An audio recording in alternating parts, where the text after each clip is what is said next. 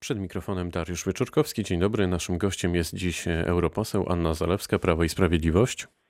Dzień dobry, witam pana, witam państwa. E, Premier Jarosław Gowin miał odrzucić e, ultimatum prezesa Jarosława Kaczyńskiego w sprawie wyborów e, i nie zgodził się na ich przeprowadzenie 10 maja w formie korespondencyjnej.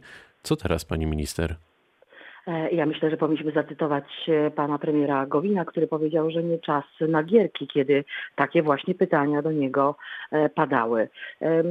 Pan premier Gowin podkreśla, zależy mu na tym, żeby wybory były bezpieczne, tak jak zależy rządowi, panu premierowi Mateuszowi Morawieckiemu, a przede wszystkim ministrowi zdrowia, który od kilku dni cierpliwie tłumaczy dziennikarzom, że jesteśmy umówieni na okolice świąt, y, gdzie zapadną wszystkie e, decyzje, dlatego że wtedy będą wszystkie e, dane, e, wszystkie krzywe matematyczne, nie tylko z Polski, ale również Ja rozumiem. z To załóżmy, świata. załóżmy, że pan minister Szumowski mówi o tym po świętach, że absolutnie nie, rekomendu- nie rekomenduje tego, by wybory odbyły się e, 10 maja. I co wtedy?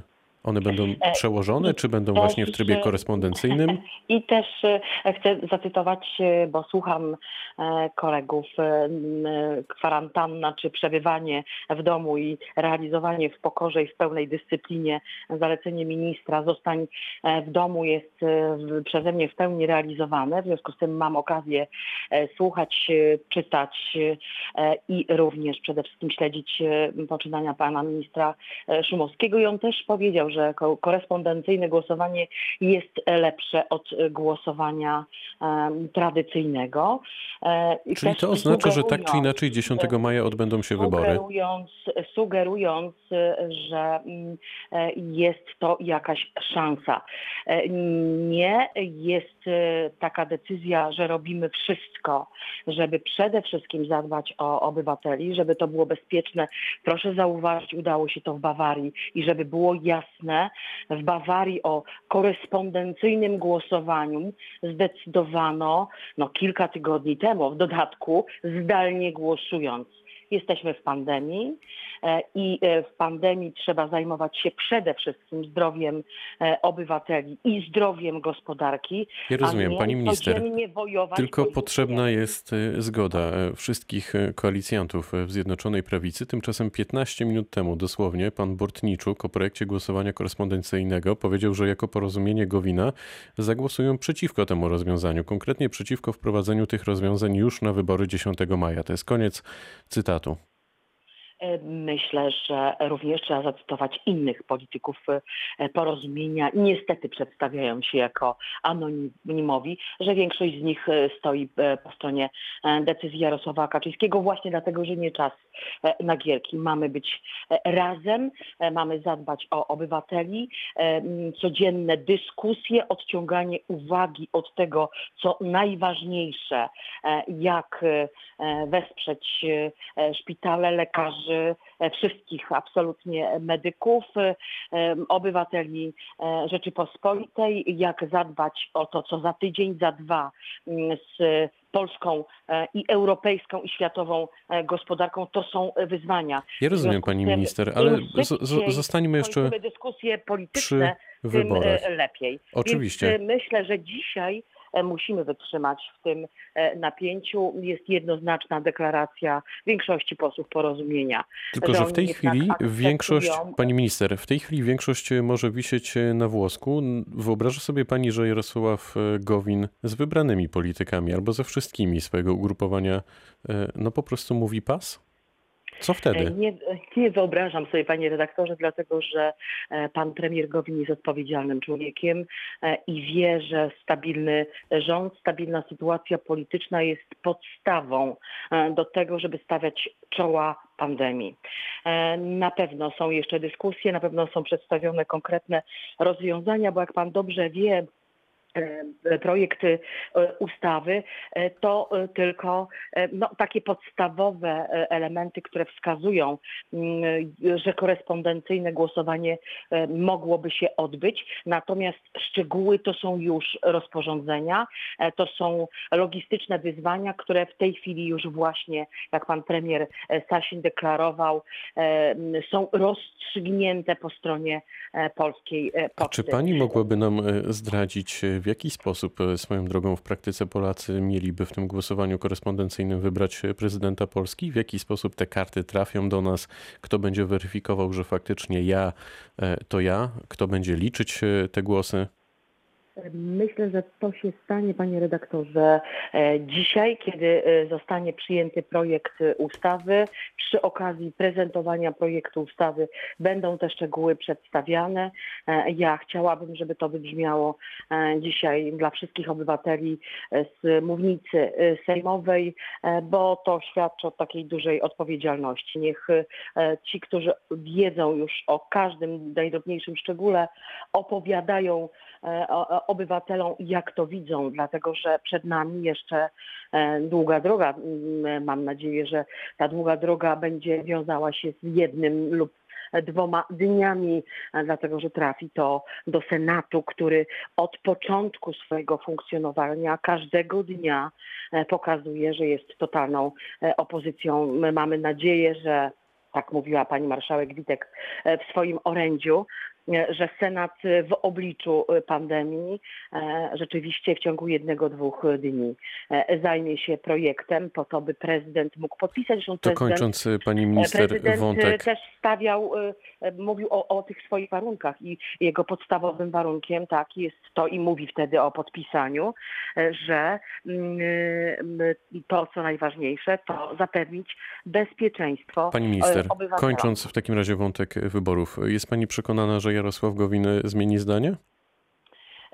Szanuję pana premiera Gowina, jest e, wymagającym dyskutantem, reaguje na argumenty e, i w obliczu e, najpoważniejszych e, wyzwań zawsze staje po stronie mm, no, rozwiązań najbardziej racjonalnych, które mają wzmocnić e, obywateli, demokrację, a przede wszystkim e, w tej chwili e, walkę z pandemią i e, walkę o e, gospodarkę, bo to będą trudne walki. To już e, myślę, że najbliższe, najbliższe godziny to pokażą. A- w takim Tak razie, co z tegorocznymi maturami? E, Czy one się odbędą zgodnie z planem, a jeśli nie, to czy będzie jakiś inny termin, czy może inny sposób rekrutacji na studia? Co by pani tutaj podpowiadała? Jakaś swego rodzaju amnestia na przykład?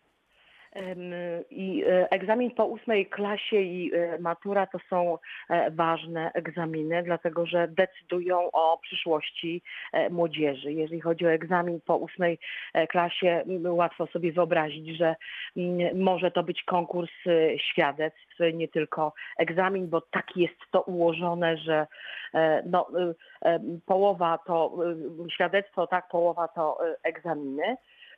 Natomiast y, mm, matura jest już y, no, takim y, prawie że stopniem do y, y, umożliwiającym mm, studiowanie, więc y, mam nadzieję, że e, matura się e, odbędzie. Być może nie w tym e, czasie. To trzeba tutaj rozmawiać również z uczelniami, dlatego że przecież uczelnie długo wcześniej przed rekrutacją podejmują decyzję, jak ta rekrutacja musi e, wyglądać, ale znowu e, trzeba czekać do, tak jak minister edukacji mówi, do tego czasu okolic e, świąt. A egzamin ósmoklasisty, jak pani to widzi? No po, powtórzę, tak? Poczekajmy na e, decyzję. Młodzież i dzieci się uczą.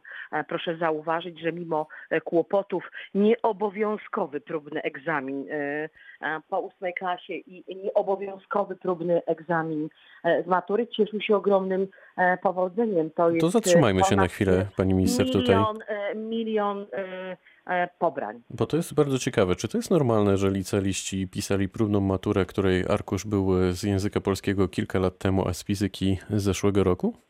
Ale oczywiście, że tak, dlatego że to jest e, próbny egzamin i to, co było 5 lat temu czy 6 lat temu, e, bardzo często pojawia się w różnego rodzaju informatorach, które są do dyspozycji e, młodych ludzi. To No tak, ale to pierwszy- jednak była próbna matura, nie, prawda? Nie, nie, panie redaktorze, to nie pierwszy raz, tylko że proszę zauważyć, próbna matura jest nieobowiązkowa. Przystępuje do niej każdy, kto chce. Z reguły to było tak, że było to ćwiczenie zachowań na sali, nie tylko ćwiczenie e, merytoryczne, m, tego w jaki sposób e, kodować e, arkusze.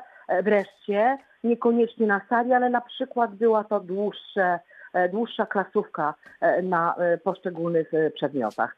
Czasami było to brane pod uwagę, pod uwagę przy wystawieniu ocen. Czasami nie, to zależało od wewnątrzszkolnego systemu oceniania, więc jest to absolutnie naturalne, dlatego że inny jest cel sprawdzenia e, tej matury. Proszę zobaczyć, one nie były e, przecież, e, nie było wymagane, żeby o określonej godzinie zacząć tę maturę, że, że ona, próbną oczywiście, że ona ma być w tym dniu, ona mogła być za tydzień i za dwa tygodnie. No taka jest, e, taki jest próbny egzamin. On No ma dobrze. zupełnie inne funkcje. Czy Unia Europejska zignorowała kilka miesięcy temu sygnały o niebezpieczeństwie związanym z koronawirusem? Tak i e, dalej sobie bardzo często wiele kwestii e, lekceważy.